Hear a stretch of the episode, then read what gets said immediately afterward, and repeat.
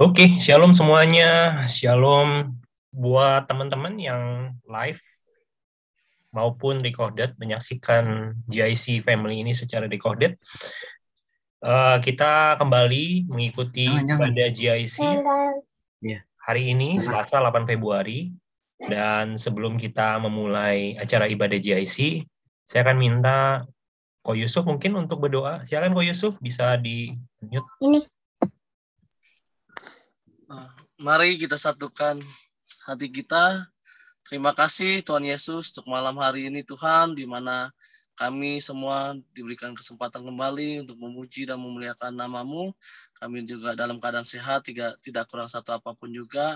Dan Tuhan, pimpinlah ibadah GIC kami dari awal pertengahan hingga akhir. Biarlah kuasa Tuhan tercurah dalam setiap ibadah kami ini Tuhan. Terima kasih Tuhan.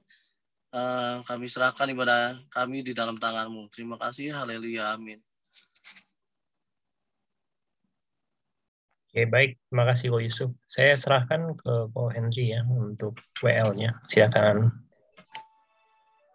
Mari sama-sama kita memuji Tuhan. Haleluya. Kemudian.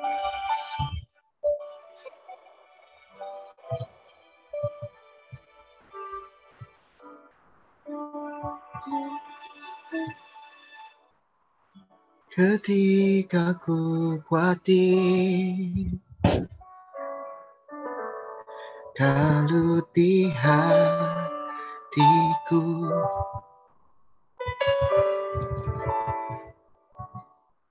Ku datang padamu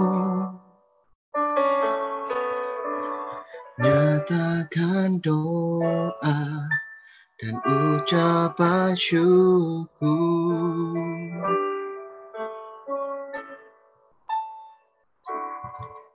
Damai sejahtera yang melampaui segala akal. Akan memelihara hati dan pikiranku dalam Kristus Yesus.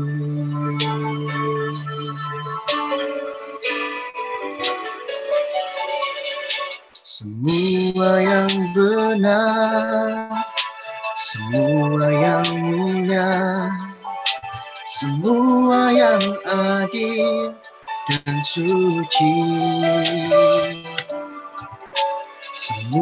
Yang manis, yang sedap didengar. Semua kebajikan yang patut dipuji.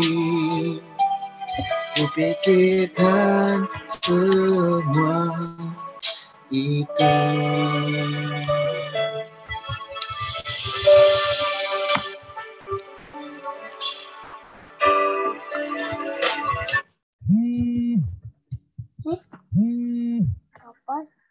damai sejahtera. Damai sejahtera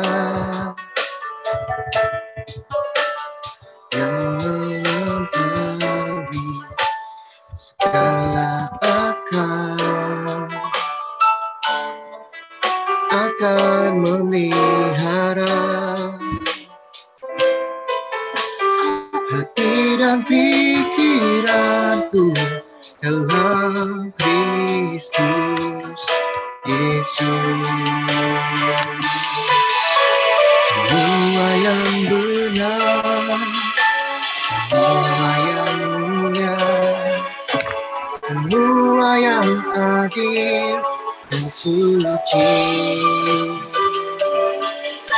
Semua yang manis yang sedap didengar. Semua kebajikan yang patut dipuji. Kupikirkan semua itu. Semua yang benar semua yang mulia semua yang adil dan suci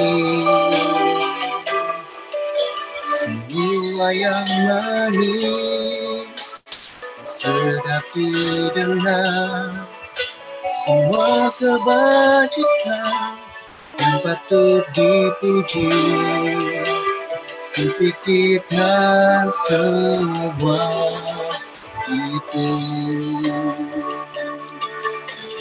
Bersama-sama katakan semua yang benar. Semua yang benar. Semua yang mulia. Semua yang adil dan suci. Semua yang manis sedap didengar Semua kebajikan yang patut dipuji. Kupikirkan semua itu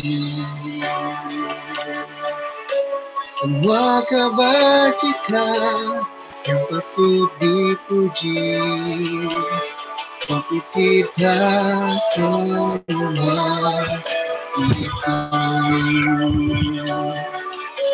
Semua kebajikan yang patut dipuji. Kupikirkan semua itu. Mari sama-sama kita sembah Tuhan. Haleluya. Terima kasih Yesus. Sungguh baik Kami bersyukur pada Engkau Tuhan Haleluya Angkat tanganmu Sembah dia Haleluya Terima kasih Yesus Sungguh baik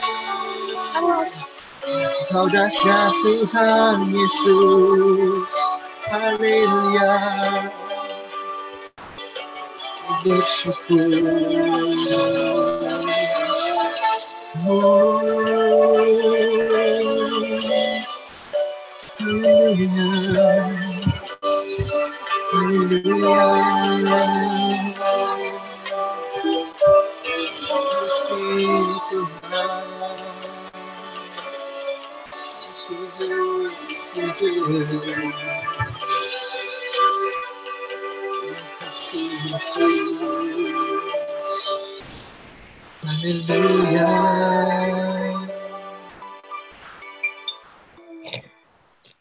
saya boleh minta Katukul untuk berdoa untuk firman Tuhan. Silakan Katukul.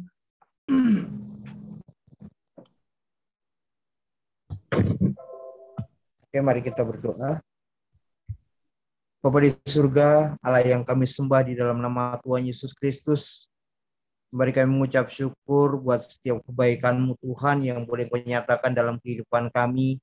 Sepanjang pagi hingga malam hari ini, kembali kami boleh datang kepadamu. Bapa di surga, tiba saatnya untuk kami bersama-sama akan eh, mendengarkan sabda kebenaran firman-Mu dan sharing bersama-sama. Kiranya Tuhan, urapi hambamu yang akan membawakan sharing pada malam hari ini. Engkau urapi hambamu secara luar biasa sehingga uh, kami setiap jemaatmu boleh mengerti memahami Tuhan. Terlebih kami boleh melakukan dalam kehidupan kami hari lepas hari. Terima kasih Bapak, terima kasih Yesus. Terpujilah namamu Tuhan. Demi dan di dalam nama Tuhan Yesus Kristus, kami siap mendengarkan firman-Mu. Haleluya. Amin. Thank you, Katukul. Baik, saya serahkan untuk hambanya yang bertugas hari ini, Pak Santo ya. Ya. Silakan. Salam semuanya. Shalom. Suara saya jelas nggak ya? Jelas. Salam Yaka, salam sehat. Sehatku, sehat kamu, sehat kita semua.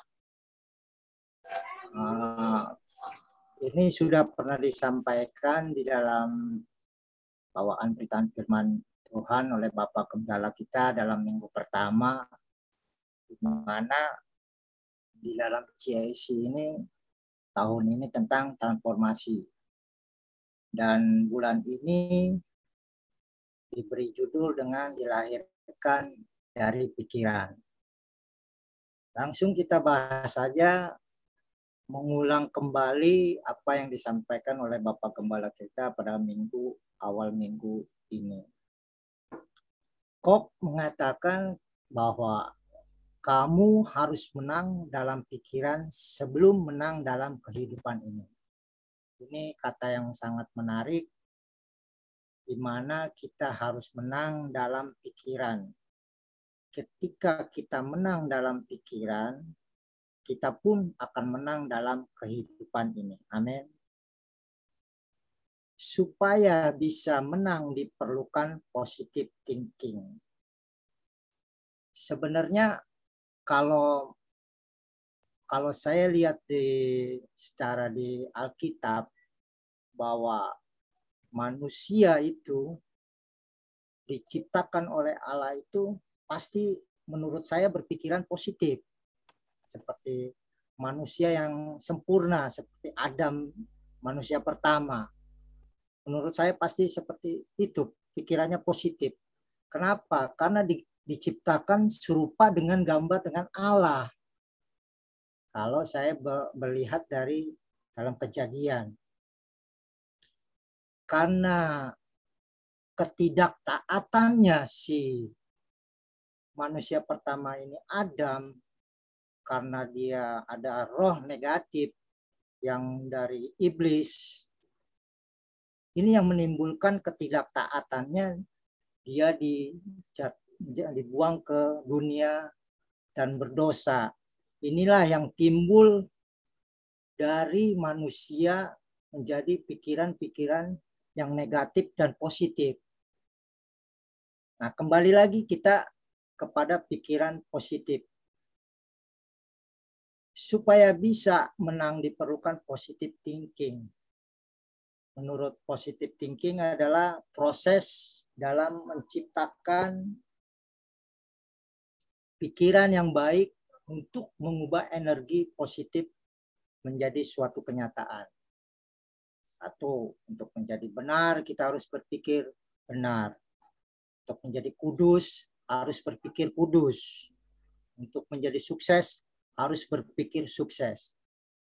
Dan kita adalah orang-orang yang percaya kepada Tuhan Yesus Kristus Juru Selamat kita. Kita sudah diperbarui daripada Adam yang pertama. Allah itu kasih. Kenapa Allah itu kita kasih? Karena di dalam Yohanes 3 ayat 16 kita tahu ya, karena begitu besar kasih Allah akan dunia ini, sehingga ia telah mengaruniakannya anak yang tunggal, supaya setiap orang yang percaya kepadanya tidak binasa, melainkan beroleh hidup yang kekal. Nah, karena Allah itu kasih kepada manusia, makanya dia mengirimkan anaknya yang tunggal yaitu Yesus Kristus. Dan inilah kita diubahkan menjadi pikiran yang positif kembali. Dia tidak mengingat masa-masa lalu kita, masa-masa yang kita dari Adam pertama. Nah, seperti contoh di dalam kekuatan pikiran manusia yang berpikiran negatif. Uh, seperti di dalam kejadian 11 ayat 5 sampai 9 tentang kekuatan manusia yaitu tentang menara Babel. Ah, saya bacakan saja di dalam kejadian 5 sampai eh, kejadian maaf kejadian 11 ayat 5 sampai 9. Ayat 5, lalu turunlah Tuhan untuk melihat kota dan menara yang didirikan oleh anak-anak manusia itu. Dan ia berfirman, mereka ini satu bangsa dengan satu bahasa semuanya. Ini barulah permulaan usaha mereka mulai dari sekarang. Mulai maaf usaha mereka mulai dari sekarang apa pun juga yang mereka rencanakan tidak ada yang tidak dapat terlaksanakan. Baiklah kita turun dan mengacau balaukan di sana bahasa mereka, sehingga mereka tidak mengerti lagi bahasa masing-masing. Demikianlah mereka diserahkan Tuhan dari situ ke seluruh bumi dan mereka berhenti mendirikan kota itu.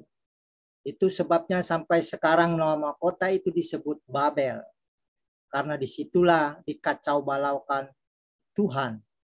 Bahasa seluruh bumi dan dari situlah mereka diserahkan Tuhan ke seluruh bumi. Ini suatu contoh bahwa mengandalkan dengan kekuatan pikiran manusia, yaitu pikiran negatif yang tidak diisi dengan kebenaran firman Tuhan. Tadi kita bahas tentang pikiran positif. Kita sebagai anak-anak Tuhan, kita tahu ya kita sudah percaya dan sudah dibaptis sebagai kekristenan. Dan kita juga tahu bahwa Tuhan Yesus adalah juru selamat kita. Dia tidak mengenang masa-masa lalu kita yang kita berbuat yang jahat yang masa lalu. Dan kembali lagi kita harus mengikuti apa yang kebenaran di dalam firman Tuhan itu tetapi bukan hanya sekedar untuk berbicara atau mendengar saja, tetapi melakukannya sesuai dengan kebenaran firman Tuhan. Kenapa? Karena supaya kita ketika kita melakukan kebenaran firman Tuhan, ah, mendengar firman Tuhan, dan kita melakukannya, itu menjadi suatu pola yang kreatif yang bersifatnya positif. Nah, di situlah yang tadinya hidup kalau kita pikiran hidup kita benar, kita akan benar. Kalau hidup kita di dalam kekudusan, kita akan kudus.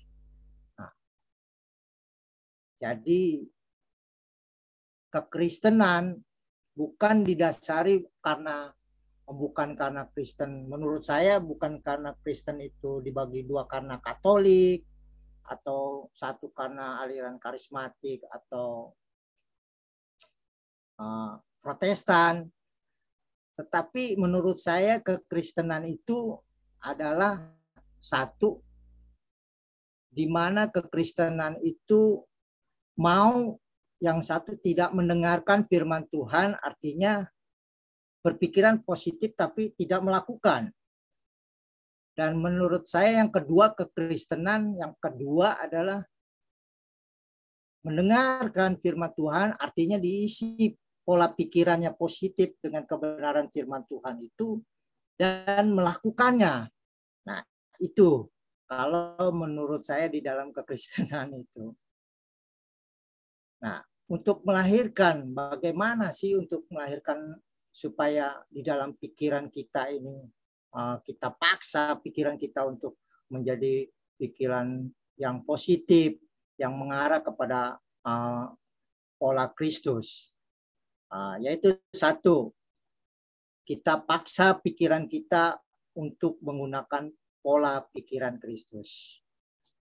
Di dalam Filipi 4 ayat 8, demikianlah firman Tuhan. Jadi akhirnya saudara-saudara semua yang benar, semua yang mulia, semua yang adil, semua yang suci, semua yang manis, semua yang sedap didengar, semua yang disebut kebajikan dan patut dipuji, pikirkanlah semuanya itu. Nah, ini Filipi 4 ayat 5 ini sangat uh, sangat uh, mendukung kita untuk kita tetap hidup di dalam Kristus. Artinya kita uh, memaksakan kita harus berpola pikir kita di dalam kebenaran firman Tuhan. Setiap hari diisi kebenaran firman Tuhan. Kalau kita mau sukses selama kita masih diberikan hidup di dunia ini. Bagaimana untuk melahirkan kebenaran dalam pikiran kita yang kedua adalah pikiran yang positif untuk menjadi kreatif. Di dalam Filipi 4 ayat 9 Demikianlah firman Tuhan. Dan apa yang telah kamu pelajari dan apa yang kamu terima dan apa yang telah kamu dengar dan apa yang telah kamu lihat padaku, lakukanlah itu, maka Allah sumber damai sejahtera menyertai kamu.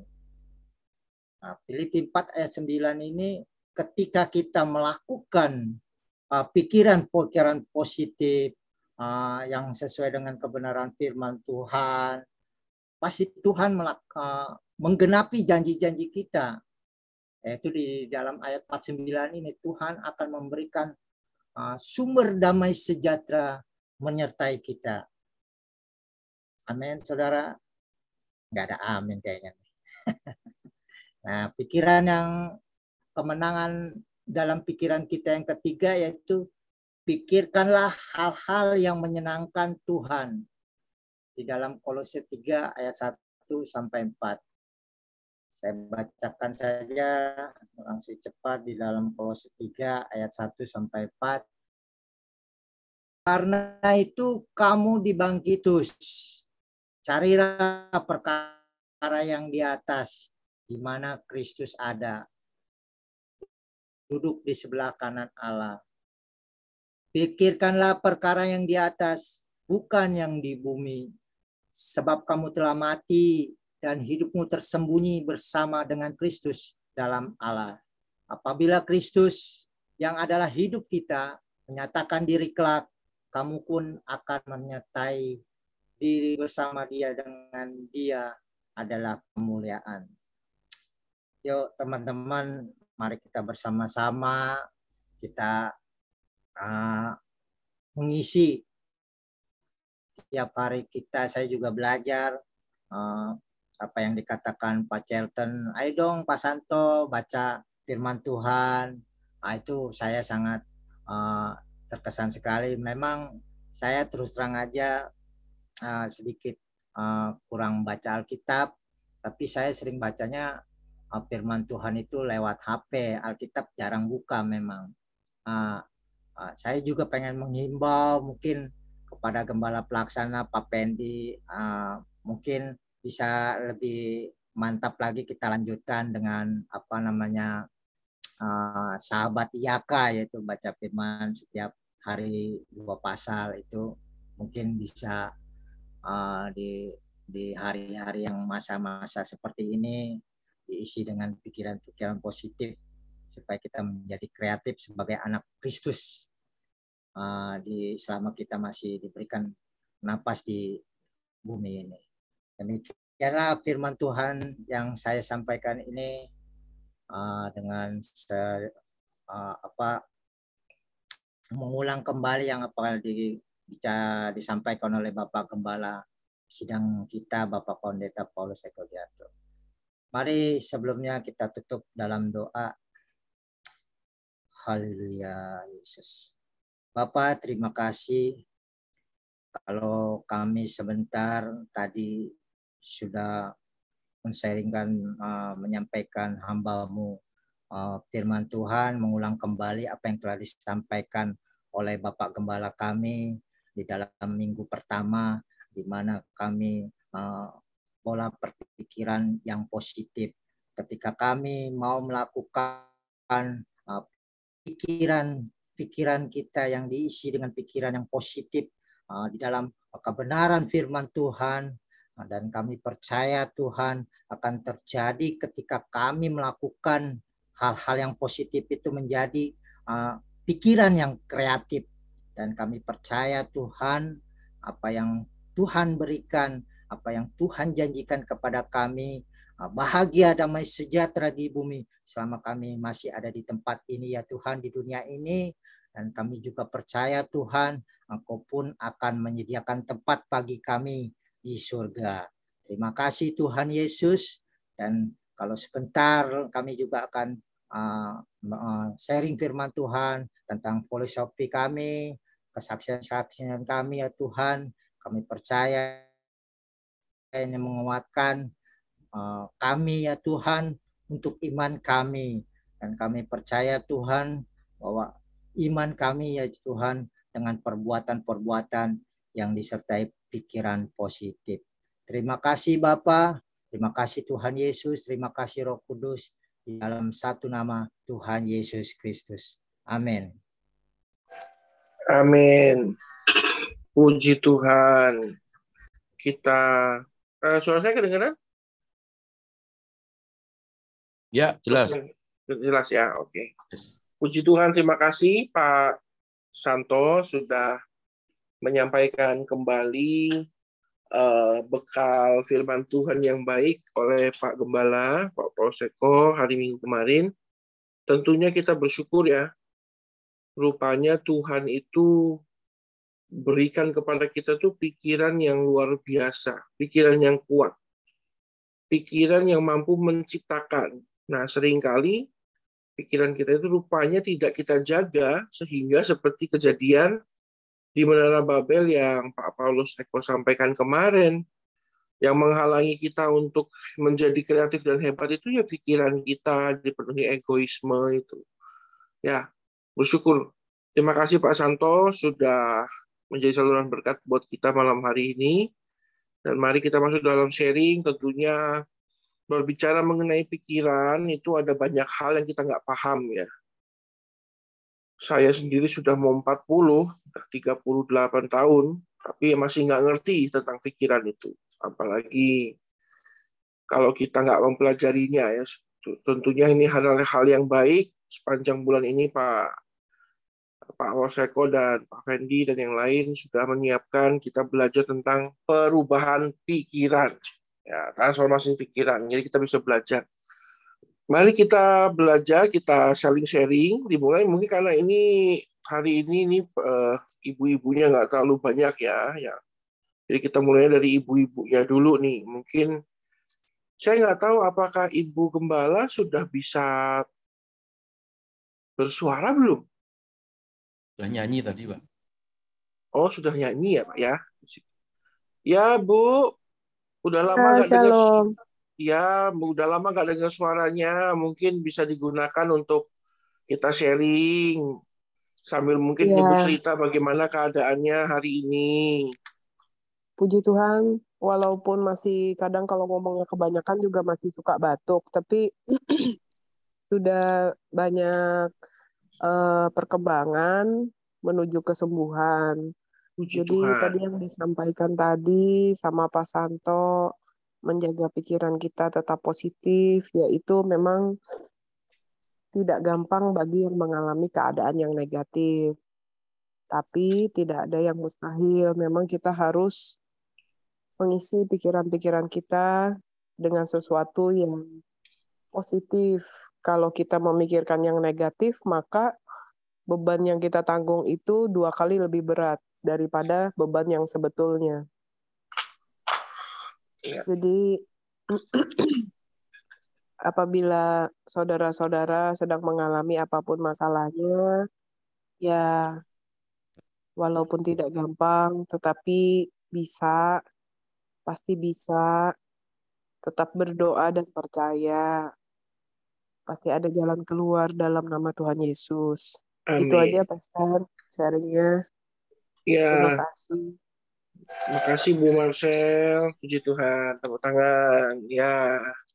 Eh, kita terus doakan Ibu cepat pulih ya. Kita bisa berkumpul beribadah bersama lagi.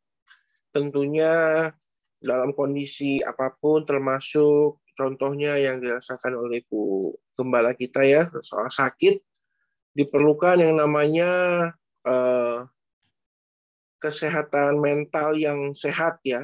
Kekuatan mentalnya harus sehat jadi luar biasa.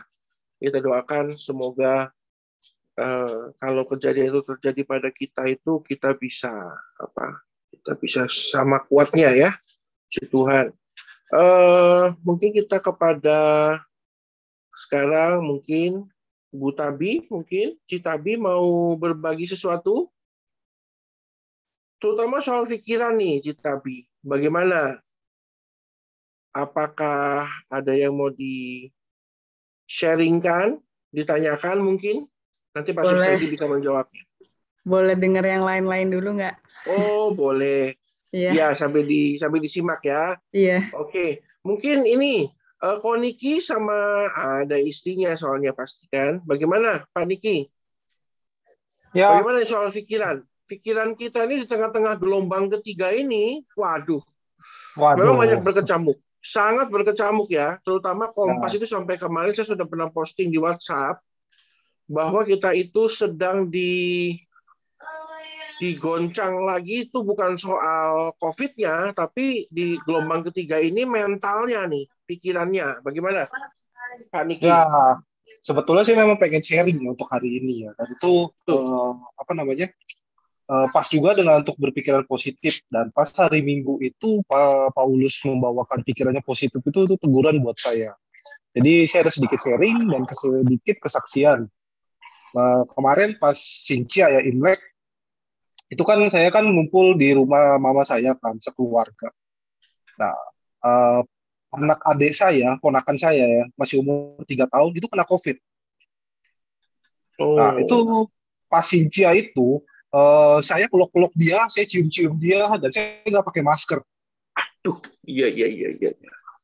Pas hari Rabu, uh, hari Rabu uh, tes PCR semuanya kan satu keluarga. Hari Kemisnya itu uh, udah positif hasilnya keluar PCR saya 24 jam positif pada kena COVID semua. Nah pas posisi posisinya saya hari Kamis itu saya divaksin booster. Hmm. Gitu. Pas booster pas Pfizer kan, pas habis vaksin itu saya berasa ngantuk dan berasa apa namanya badan saya pegel-pegel. Nah itu tuh pikiran saya tuh udah pikiran ke mana-mana gitu. Jadi saya pikirnya waduh kayaknya saya kena ini gejala-gejala gitu. Cuman nggak batuk, nggak apa gitu isoman saya isoman sama Lydia ke Citra Gandpuri di sana hari Sabtunya saya tes ternyata saya negatif nggak kena gitu. Dan itu puji Tuhan sekali gitu loh. Cuman kan pikiran saya itu tuh kan dulu udah ke mana-mana gitu nah eh, hari Minggunya pas eh, saya pulang ke Benceng nah, apa namanya ya nonton kebaktiannya uh, apa kebaktian IHK kan Pak Paulus pas banget. Pikirannya positif. Dan saya itu sama Lydia itu seperti kayak kena teguran gitu gitu. Ya, ya apalagi karena sudah meluk-meluk cium-cium ya ah iya itu dia. Dan saya oh pas di situ pas apa namanya pas hasil saya keluar ternyata negatif itu saya bersyukur banget puji Tuhan banget. Dan saya masih dilindungin sama Tuhan gitu. Dan dijauhkan dari COVID-19 dan itu saya ketiga kali saya berinteraksi sama orang yang kena COVID. Saya tiga kali antigen satu kali PCR ya. Gitu. Dan uh, puji Tuhan negatif terus hasilnya gitu Pak. Berarti mungkin ini juga teguran juga buat Pak Niki. Lain kali kalau mau nyium di swab dulu Pak yang mau dicium. Mungkin itu. Cuma saya nggak mikir itu loh anak umur tiga iya. tahun. Ya ya ya memang itulah yang terjadi terutama uh, waktu kita di selesai gelombang kedua kemarin yang kita merasa sudah lebih sehat ya lebih aman. Ya jadinya kita mungkin agak lengah. Tapi nggak apa-apa uh, puji Tuhannya kan paniki sama ibu kan diluputkan ya puji ya, Tuhan sehat itu. Ya memang kekhawatiran itu tidak menghilangkan masalah hari ini, tetapi meniadakan sukacita hari ini. Nah, itu betul juga. Ada quotes yang bilang begitu ya. Bahwa kekhawatiran itu tidak menghentikan masalah hari ini, hanya saja menghilangkan sukacitanya. Jadi ya mental, mentalitas kita harus kita jaga. Puji Tuhan, semoga ke depannya nanti kita bisa menjaga pikiran kita lebih sehat lagi. Puji Tuhan. Amin. Amin. Oke, ini mungkin kita berlanjut kepada teman-teman kita yang jauh dulu ya. Ini ada Pak Phil, Pak Daniel dulu yang paling jauh. Menghi apa Daniel yang ada di Bandoeng, Bandoeng. Bagaimana Pak Daniel? engkau yang ada di Jawa Barat, beda gubernur, bagaimana kualitas pikiran di Jawa Barat? Waduh, itu kenapa motor bebek begitu? Oke, kalau Pak Daniel belum merespon, mungkin Pak Survila, Bogor, bagaimana? Di Gunung, Curug Nangka? Shalom. Shalom, Pak Survila. Nah. Haleluya. Haleluya. Tentang Bagaimana? pikiran. Ya, pikiran Pak. Ya, pikiran juga merupakan satu kekuatan bagi kita untuk uh, apa namanya mempertahankan iman kita karena pikiran yang negatif atau pikiran yang kotor atau pikiran yang najis bisa mempengaruhi seluruh kehidupan kita pasti. Dan saya uh,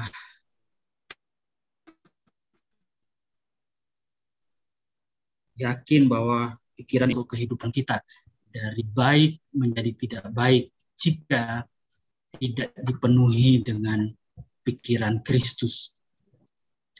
Dan saya tertarik dan terbangun sekali dengan uh, yang pertama bagaimana untuk melahirkan uh, kemenangan dalam pikiran kita. Yang pertama itu bahwa ternyata kita harus memaksa, harus dipaksa pikiran kita harus berpikir positif. Bukan hanya sekedar positif.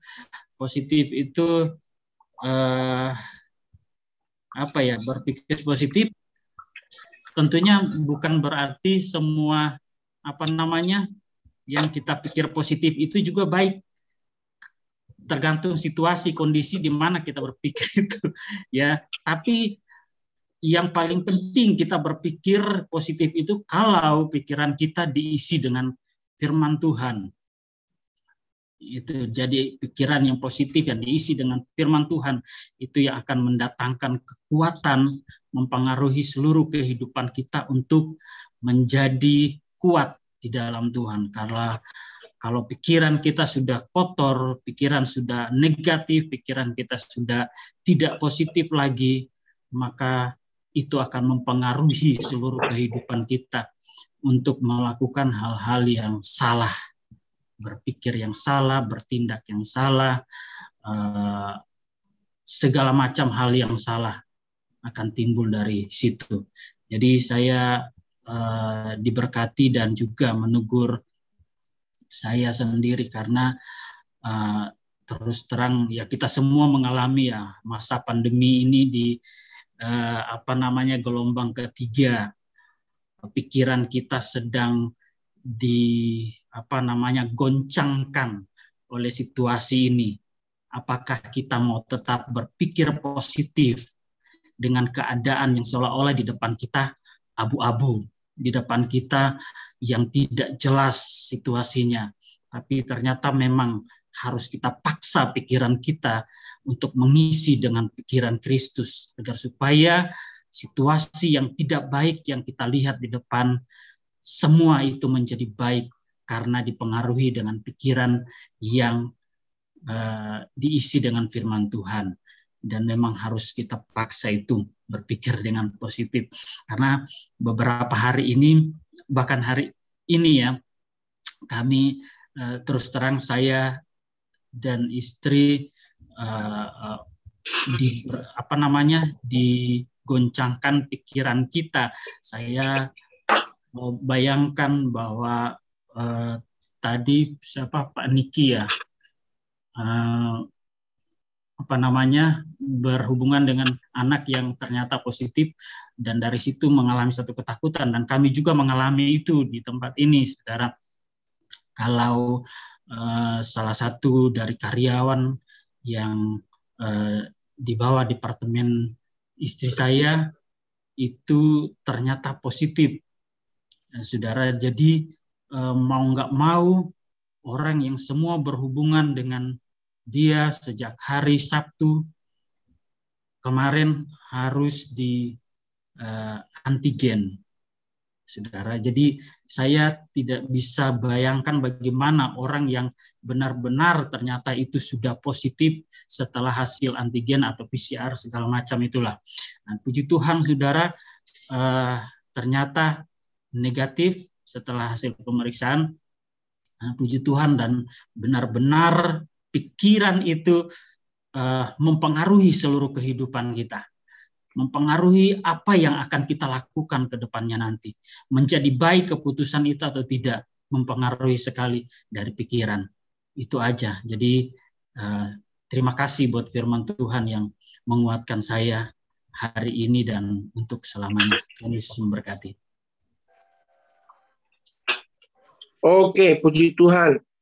Pak Sulfila, ya, berbicara mengenai pikiran, hal pertama yang digoncangkan memang itu pikiran dulu ya. Jadi memang kita harus jaga kualitas pikiran kita untuk tetap bisa sehat. Nah, berbicara mengenai pola pikir itu harus dipaksakan masuk ke dalam pola pikir itu, saya jadi teringat tadi pagi itu saya baca Instagram story dari sahabat saya, seorang pemain gitar yang buat saya dia sangat jago sekali. Nah, seumur hidupnya itu tidak ada pekerjaan lain yang dia lakukan selain bermain bermain musik, menciptakan lagu, aransemen, bahkan bermain dengan pemain-pemain kawakan Indonesia ya. Tapi begitu dia kena gelombang ketiga, semua jadwal main musiknya dia di cancel semua karena COVID. Otomatis nggak punya uang kan. Nah, rupanya dia selama dua tahun ini dia belajar untuk memasak rupanya. Akhirnya bulan Januari kemarin dia mulai membuka PO makanan. Saya tahu banget lah ini orang. Ini di luar kenyamanan dia sebagai seorang musisi. Tetapi dia memaksakan hidupnya menjadi seorang uh, apa uh, tukang masak. Memaksakan karena apa? Karena ada kebutuhan. Kalau kemarin dia bermain musik untuk memenuhi kebutuhan dia dengan keluarga, sekarang dia harus memaksakan diri dia menjadi seorang chef ya, seorang tukang masak tentunya dimulai dari sebuah kebutuhan. Nah, begitu juga mungkin mungkin loh, ini saya mesti konfirmasi lagi kepada Pak Paulus Eko, apakah betul ini yang dimaksudkan bahwa uh, kita juga harus memaksakan hidup kita masuk ke pola pikir Kristus karena kita itu membutuhkan pola pikir Kristus untuk menyehatkan hidup kita. Itu maksud saya.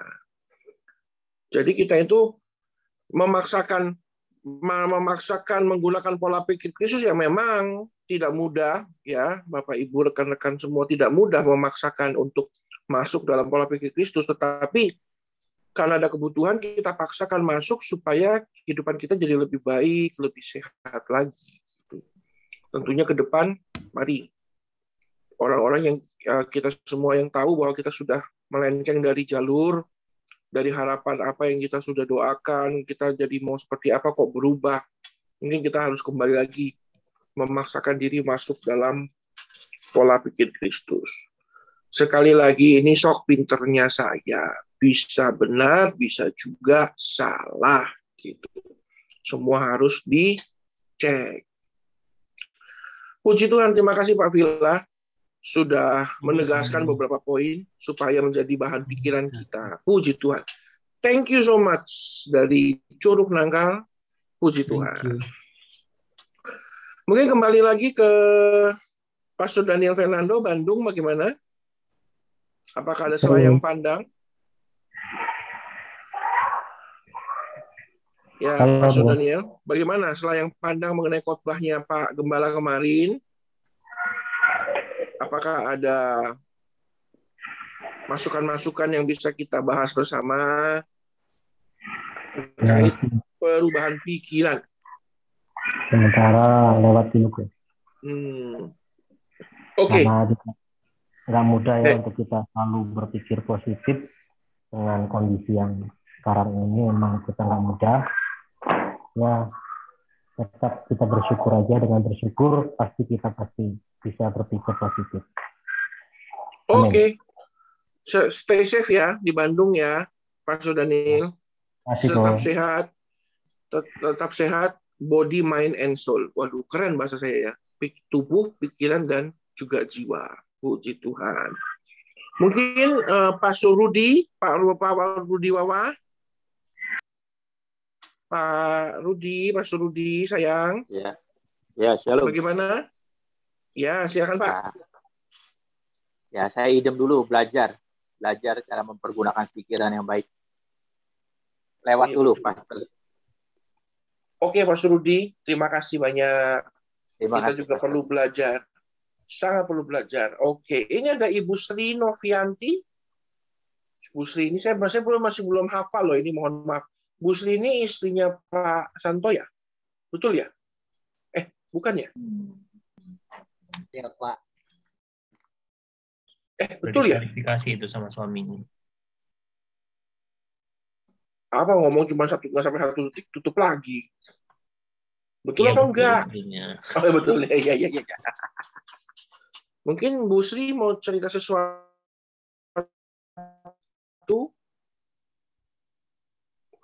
Ya. Ya, shalom semuanya. Shalom Ibu Sri. Ya, shalom. Ya, shalom Bu. Monggo Bu, silakan Bu. Eh, pikiran mendatangkan mujizat. Temanya seperti itu. Ini yang pengalaman saya pribadi ya. Sebelumnya maaf, eh, bukan eh, maksud saya untuk membicarakan hal perpuluhan. Awalnya saya awalnya saya perpuluhan itu agak nanti ada, nanti bulan depan nggak ada, nanti ada lagi, dan bulan se- selanjutnya nggak ada. Nah, di saat pola pikir saya ada Tuhan, ada sesuatu Tuhan mem- memberitahukan kepada saya, utamakan Tuhan terlebih dahulu. Baru selebihnya kamu akan gunakan uang itu. Nah, di saat saya mulai belajar, tiap bulan saya harus utamain Tuhan bayar perpuluhan, utamain Tuhan bayar perpuluhan. Nah, di situ Tuhan kasih mujizat buat keluarga saya. Nah, pola pikir saya yang sekarang saya itu eh, hadapin ini pola pikir yang Tuhan tunjukkan utamain Tuhan, utamain Tuhan, utamain Tuhan. Dan nanti kamu akan melihat mujizat yang terjadi dalam hidup saya. Nah, di saat saya setia, di saat saya bayar perpuluhan, eh, maaf saya berma- bukan bermaksud untuk membicarakan hal perpuluhan. Mungkin tidak semua orang tidak semua orang untuk eh, oh ini bayar perpuluhan dia bisa bayar puluhan yang ini nggak mungkin nggak seperti itu saya tidak seperti itu. cuman sayang pengalaman saya pribadi itu yang saya alami sekarang yaitu pola pikir mendatangkan mujizat di saat saya bayar perpuluhan dan setia taat eh, kepada Tuhan itulah mujizat yang saya dapat saat ini hari ini terima kasih itu aja Pak Iya. Tentunya di tengah-tengah COVID begini ya, kita kadang-kadang berpikir juga uang itu kayaknya sangat berharga daripada untuk apa perpuluhan gitu ya. Tapi ya memang pengembalian kepada Tuhan. Jadi perpuluhan itu saya selalu ngajarin sama orang banyak. Perpuluhan itu bukan nyogok Tuhan, bukan kayak mancing ikan gede pakai umpan kecil gitu. Perpuluhan itu karena kamu merasa diberkati oleh Tuhan, kamu kembalikan ke Tuhan, gitu ya. Jadi ya, kalau kita punya sikap hati, pola pikir yang benar, ya Tuhan pasti berkati. Dia itu ya dan amin. Terima kasih Cis Busri. Tentunya berkat Tuhan melimpah terus buat orang-orang yang mencintai Tuhan. Puji Tuhan. Mungkin Pak Tukul, Kak Tukul, bagaimana sebagai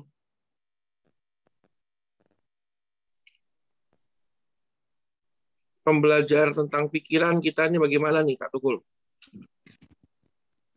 Lewat dulu pastor. Oke. Pak Dedi, yang ada di kantor, kayaknya masih di kantor ya? Pak Dedi ya? Pak Yusuf? Ya, shalom. Ya. Shalom Pastor. Ya, shalom Pak Yusuf. Iya. Eh, Bagaimana? saya sih mau sharing aja sih pikiran yang positif ini. ya Oke. minggu minggu kemarin ya aku kan eh, ada pindahin AC, cerita sharing aja Pastor ya, dalam pikiran positif hampir terjebak juga dengan pikiran jahat ini. Terus eh, aku cuman pindahin naik ke atas 30 cm. Nah, kemudian eh, sudah selesai dia kerjain, eh, dia kasih aku harga. Ternyata harganya dia kasih aku itu 500 ribu. Nah, terus eh, kata tukang saya kan aku kan lagi eh, ada pembetulan rumah sedikit. Nah, terus kata tukang aku kok posisinya ini salah dia bilang begitu. Terus aku bilang lagi ke tukang AC, Wan, ini eh, nanti tolong di ininya posisinya salah ya. Nanti gua tambahin lebih lagi deh jasanya deh. Jasanya berapa? Nanti apa aja yang perlu dibeli. Nah, dia udah udah bilang kok nanti beli selang 2 meter sama beli dinabol ya kok. Dua AC itu dia bilang begitu. Oke. Nah, setelah itu saya eh, menunggu dia pastor. Saya menunggu dia apakah menunggu dia saya chatting dia saya tanya dia bagaimana dia nggak respon terus akhirnya nggak dua hari dua hari kemudian dia respon saya istrinya bilang dia lagi sakit oh ya udah ya udah kalau memang sakit aku bilang ah, ya udah cepat sembuh bisa salamin buat Iwan ya nanti kalau udah sembuh baru ke rumah saya lagi kembali gitu. Nah terus sampai aku berpikir aku aku ya lagi Wan udah bisa belum? Soalnya saya lagi uber ke tukang saya juga kalau AC sudah dinaikin sedikit uh, udah dipindahin uh, tukang saya bisa kerja. Terus uh, dia nggak ada kabar saya WA nggak di, di WA dibaca tapi nggak dibalas ya udah mungkin mungkin lagi sakit lagi. Hari uh, itu hari hari keempat dari pas aku udah bikin janji. Hari kelima aku telepon dia pun juga nggak respon. Cuman tiba-tiba terlintas uh, aku berpikir begini. Aduh kenapa gua bisa jadi berpikiran jahatnya jadi pikiran saya tuh pastor ah ini orang udah nggak mau kerjain lagi nih. Mungkin uh, saya kasih harga jasanya mungkin lebih murah jadi dia nggak mau proses. Tapi aku aku kembali lagi diingatkan di firman Tuhan. Aku bilang ah, udahlah kamu nggak usah berpikir begitu ada yang mengingat saya. Uh, udah kamu uh, kasih apa? Uh, saya sudah jangan berpikir macam-macam nanti hati kamu jadi jahat ya belum begitu. Mendingan ya sudah kalau emang dia nggak mau kerjain ya sudah. Nggak uh, perlu nggak uh, perlu hubungin dia lagi.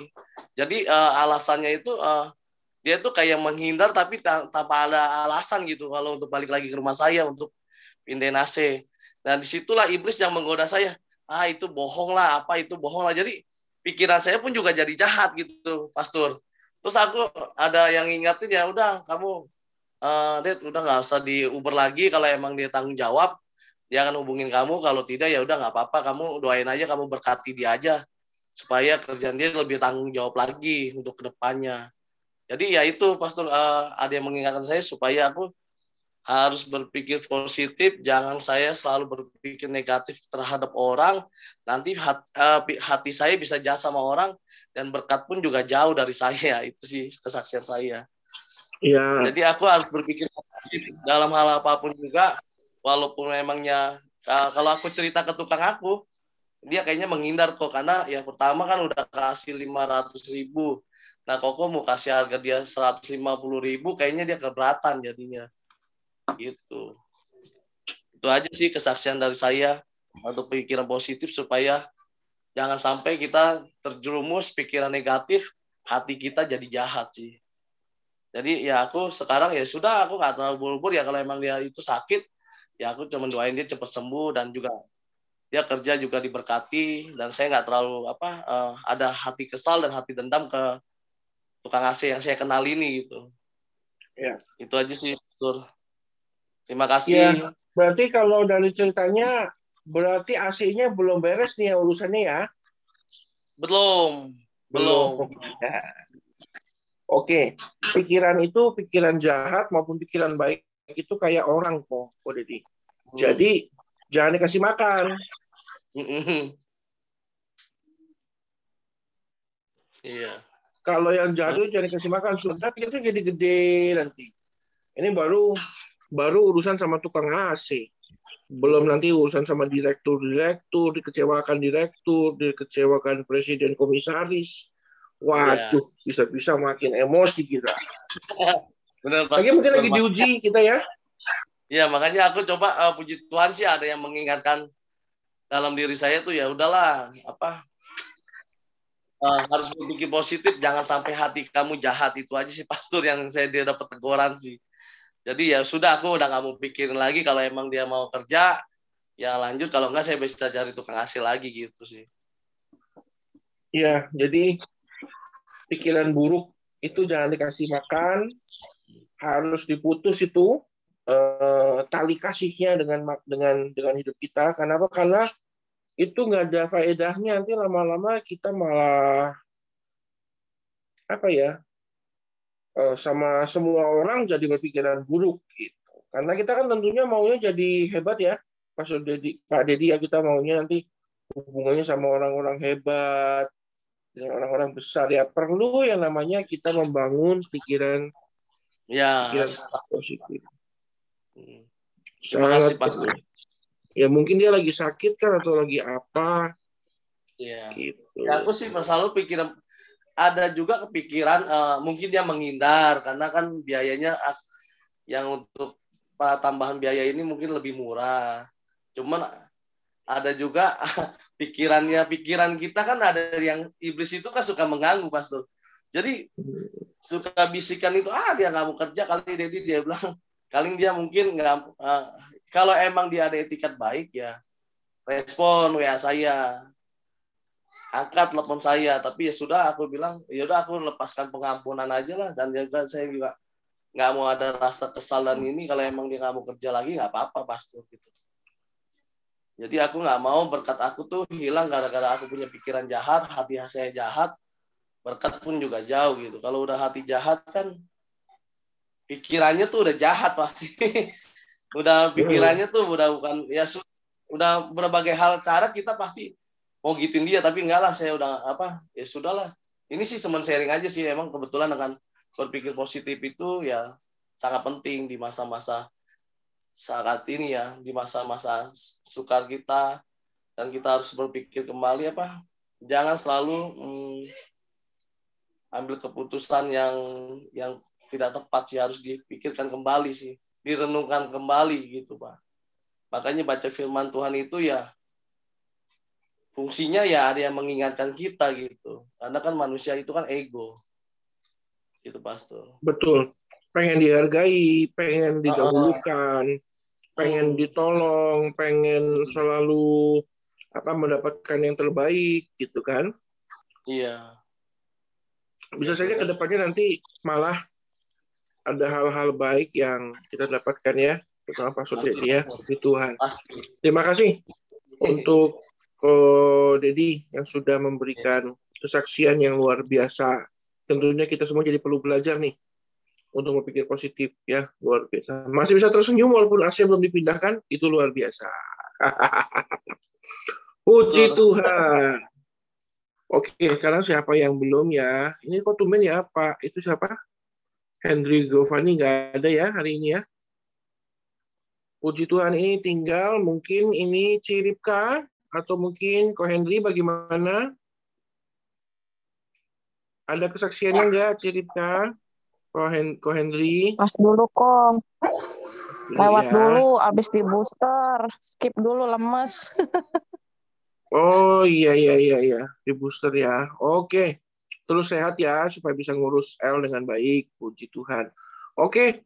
Pak Gembala, Pak Polseko, terima kasih buat firmannya yang memberkati kami sepanjang minggu kemarin kami saya juga apalagi saya saya yang mengekstraksi khotbah Bapak itu kena tampar berkali-kali ya.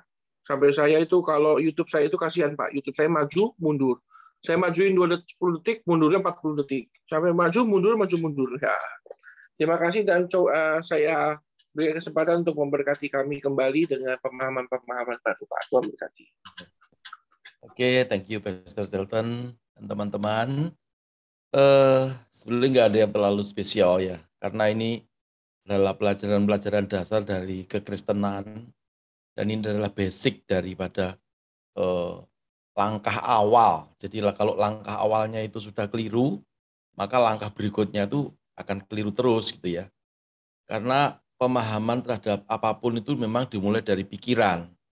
Ya kalau kita eh, tidak memulai dari pikiran, Tuhan itu tahu ya, pikiran itu bagian daripada jiwa ya. Nah, jiwa itu adalah sebetulnya pilotnya manusia, ya.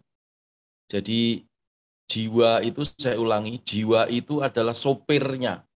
Jadi pilotnya, pilotnya pesawat itu ada pada jiwa. Di mana di jiwa itu ada pikiran, ada perasaan dan kehendak. Nah, yang mendominasi itu adalah pikiran, ya. Eh, karena itu pikiran itu membutuhkan satu uh, menu yang sangat fresh ya. Karena semenjak manusia diciptakan Tuhan di Taman Eden itu memang Tuhan memberikan satu kehendak bebas. Nah, kehendak bebas itu juga dipikirkan oleh manusia. Nah, pada waktu manusia keliru menentukan kehendak bebasnya, maka kelirulah hidupnya gitu ya. Tadi Pak Santo berkata Tuhan menciptakan pikiran uh, manusia itu pada awalnya baik. Iya, memang. Tetapi ada satu yang ada di dalam pikiran manusia yang Tuhan berikan kebebasan itu namanya kehendak bebas, free will, yaitu mau sukses atau mau tidak sukses, mau kudus atau tidak kudus, mau tunduk kepada suami atau suami mau mengasihi istri atau tidak, mau ngeyel atau nurut, mau taat atau tidak taat, itu tergantung dari free will kita. Ya makanya saya sering sekali nulis ya di berbagai postingan-postingan di media sosial saya selalu bilang bahwa eh, kehendak bebas itu harus ditundukkan juga kepada Kristus. Karena dalam kehendak bebas itu didominasi oleh pikiran kita ya.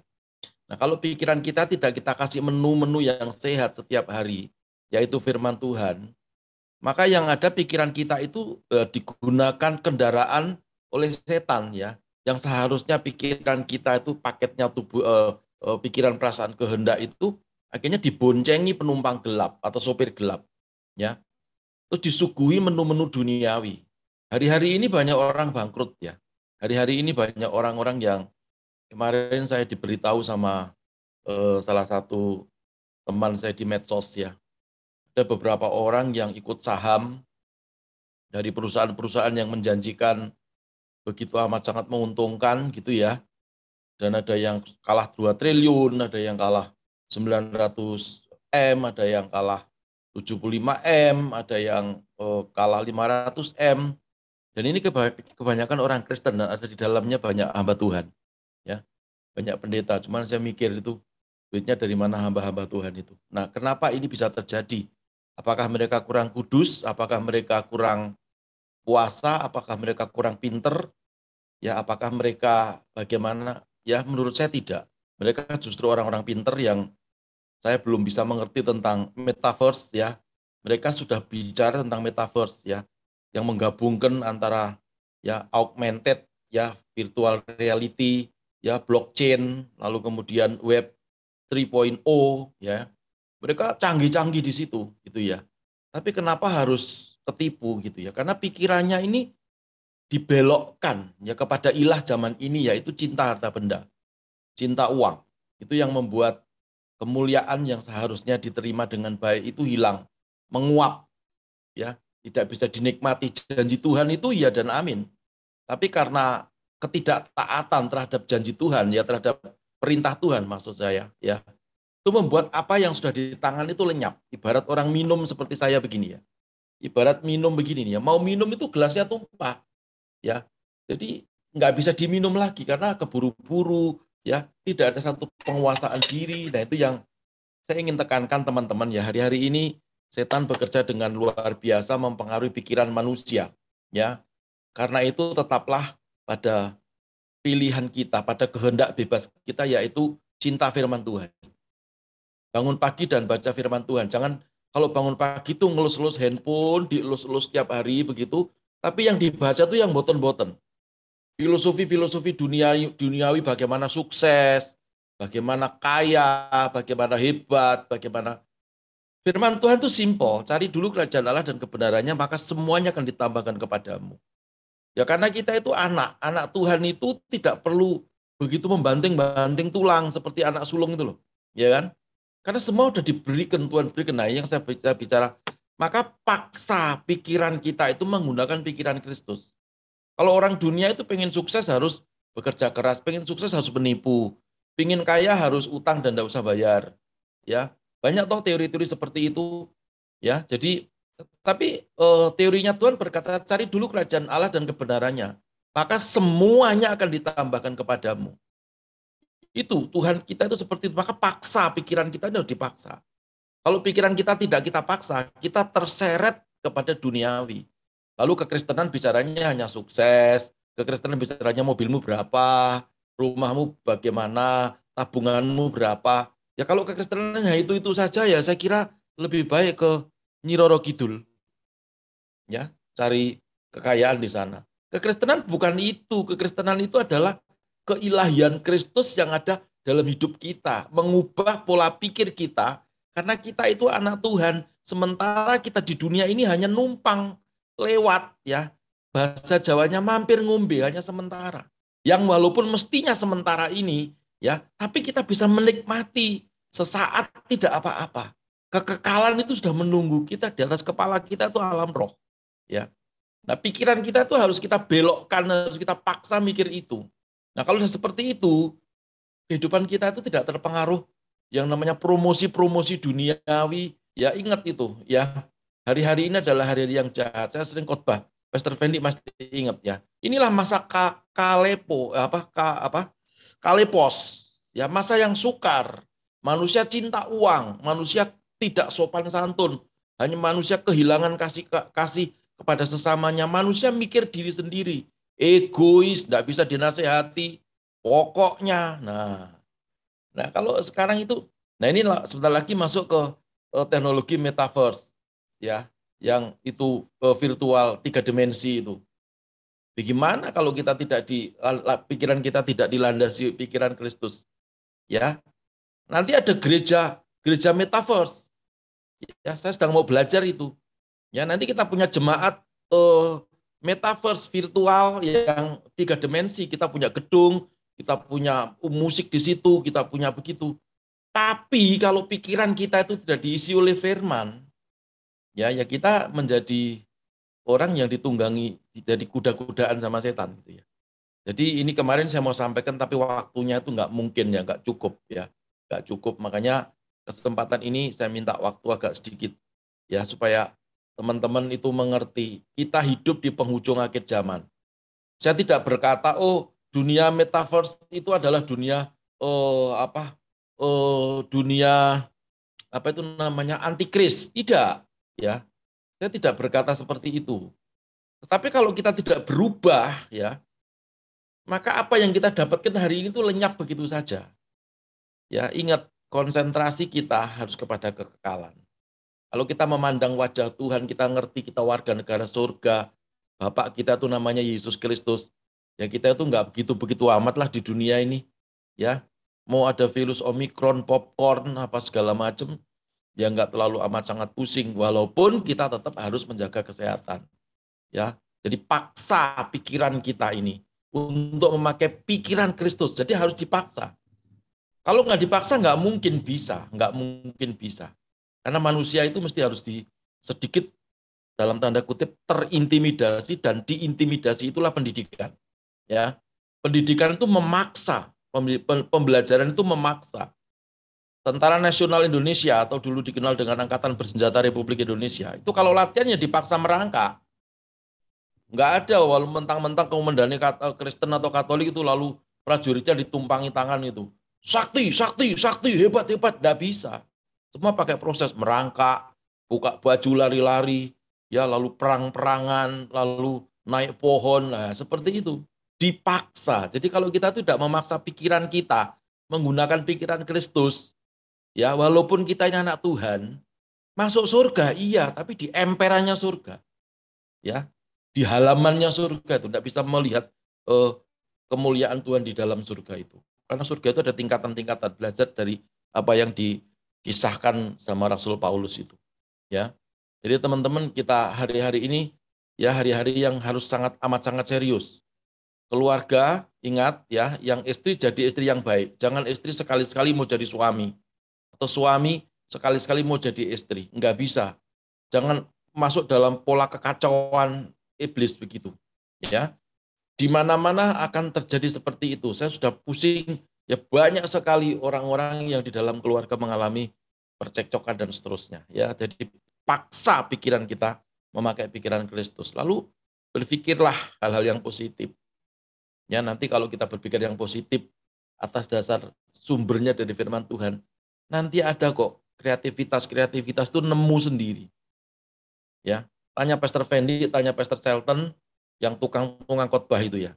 Kadang-kadang kita sudah memiliki konsep khotbah, tapi di mimbar itu pada waktu kita khotbah muncul sebuah pewahyuan. Itu namanya kreativitas atau pewahyuan. Ya, jadi seperti itu yang penting dasar kita itu baik, mau lakukan firman Tuhan, paksa pikiran kita pakai pikiran Kristus, yakin dalam nama Yesus, Tuhan Yesus dahsyat. Itu ya. Jadi itu saja eh, yang saya tambahkan kepada teman-teman. Nah, tentang perpuluhan tadi Bu Novi ya. Ya, saya tidak pernah khotbah tentang perpuluhan. Ya, puji Tuhan kalau tadi ada kesaksian ya kiranya yang belum berpuluhan ya silakan perpuluhan gitu ya. Itu saja. Tuhan Yesus memberkati. Oke. Oke, puji Tuhan. Mungkin silakan Pastor uh, Fendi. Ya, nggak ada apa-apa lagi sih. Thank you. Makasih Pastor Charlton yang sudah memimpin acara sharing. Makasih juga Pak Pembala yang juga sudah uh, closing statement. Eh, baik teman-teman, karena waktu kita sama-sama akan mengakhiri acara ibadah GIC Family dan jangan lupa teman-teman untuk tetap terus senantiasa menjaga protokol kesehatan.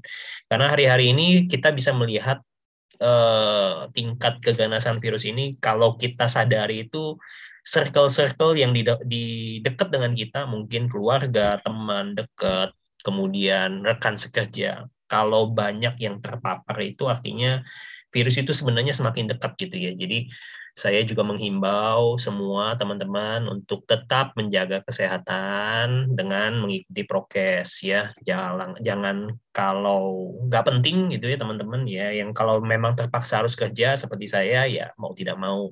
Tapi jangan lupa makan vitamin sama masker double.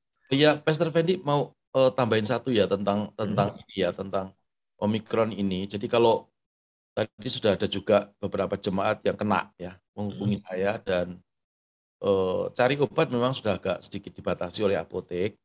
Beberapa waktu yang lalu uh, saya memposting itu ada link uh, dari Kemenkes hmm. dan itu memang benar-benar ya kayak uh, sahab, saudara saya sendiri juga kena ya uh, dan dapat link itu lalu mereka dapat obat ya. Menurut saya obatnya cukup bagus ya. Walaupun eh, apa itu namanya eh, generik tetapi generik yang bagus ya. Ada kalbi ada segala macam gitu ya. Jadi tidak usah takut virus ini memang bagi yang sudah me melakukan vaksinasi tanpa komorbid ya. Nggak apa-apa ya. Ibu gembala sudah mulai baik Jolin sudah mulai sudah sembuh bahkan ya dan ibu gembala semestinya sudah negatif ya cuman batuknya saja itu ya. Dan jangan takut, jangan takut. Yang penting kayak Pastor Fendi tadi, kalau nggak penting-penting amat tuh nggak usah keluar, ya, nggak usah keluar. Jadi eh, di rumah aja, lakukan segala sesuatu di rumah dengan baik dari rumah, gitu. Tapi kalau terpaksa keluar, jangan lupa ya, saya tuh dua hari wirawiri ke rumah sakit ngeliatin Kesia, ya, cuci tangan sampai rumah mandi, eh, keramas ya, bajunya di eh, jangan dibawa masuk ke kamar gitu lalu taruh di direndam begitu begitu jadi itu yang membuat kita akan paling tidak meminimalisasi eh, ketertularannya itu. Itu aja tambahannya Pastor Fendi thank you. Oke makasih Pastor Paulus. Uh, jangan lupa teman-teman untuk hari Kamis kita ada ibadah Miracle is Free juga khusus untuk pelayanan keluarga ya saya juga berharap semua uh, dari IHK bisa ikut sama-sama memberkati dan diberkati lewat ibadah Miracle is Free. Baik, kita akan akhiri acara JIC Family kita. Saya boleh minta Pastor Rudy untuk pimpin doa.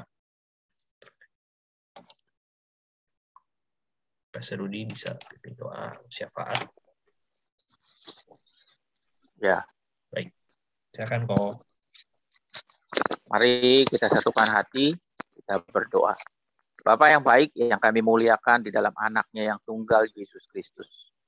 Sungguh kami bersyukur untuk malam hari ini. Di mana kami boleh belajar, kami telah diingatkan oleh kebenaran firman Tuhan untuk kami berpikir positif, untuk kami memaksakan pikiran kami menjadi pikiran yang positif, pikiran yang berlandaskan kebenaran firman Tuhan. Sehingga kebenaran firman Tuhan itulah yang akan memerdekakan setiap pikiran-pikiran kami pada malam hari ini.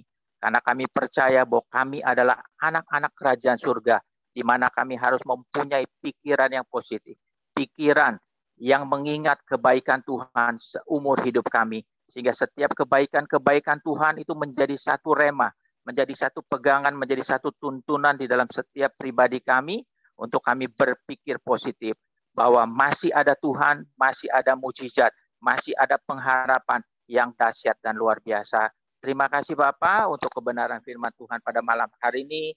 Tuhan memberkati pembicara Pak Santo, Tuhan memberkati keluarganya, Tuhan memberkati kehidupannya.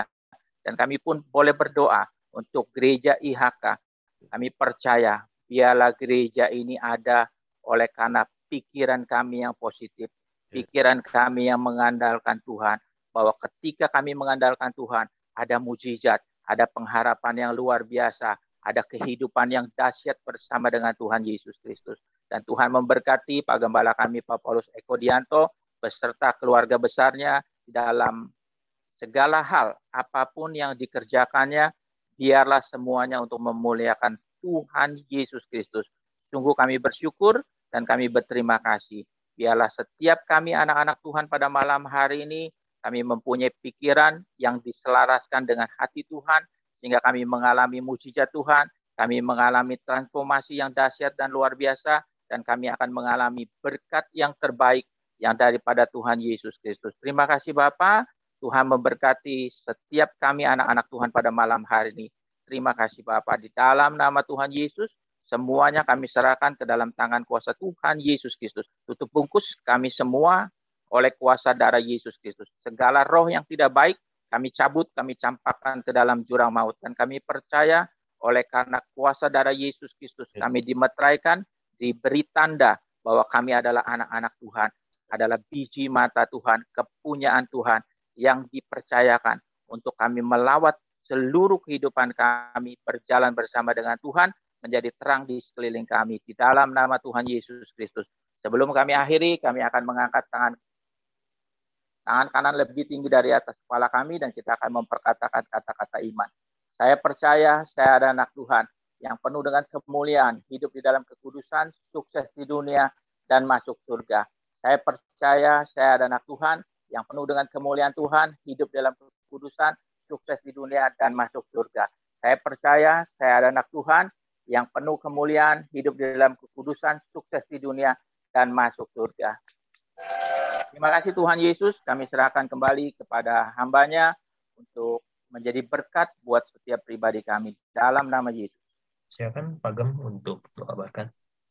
Mari angkat kedua tangan kita tinggi-tinggi dalam hadirat Tuhan. Tuhan, terimalah berkat yang melimpah-limpah dari Allah Bapa, persekutuan dan kasih sayang dari Tuhan kita Yesus Kristus, penyertaan, penghiburan, perlindungan, anugerah limpah, dan berkat-berkat ilahi yang akan Tuhan terus limpahkan dalam kehidupan kita juga berkat-berkat jasmani selama kita masih ada di dunia ini terus memenuhi hidupmu dan mengangkat engkau menjadi kepala bukan jadi ekor naik terus tidak pernah turun mulai sekarang akan sampai selama-lamanya. Dalam nama Yesus haleluya sama-sama berkata amin. Tuhan selamat malam malam. Shalom semuanya. Selamat malam. Selamat malam semuanya. Selamat Gembala cepat pulih sembuh. Ini Krisna Fitriani siapa ya? Baru masuk tuh Pak. Oh iya. Bu Krisna mungkin bisa menyapa kami, Bu Krisna.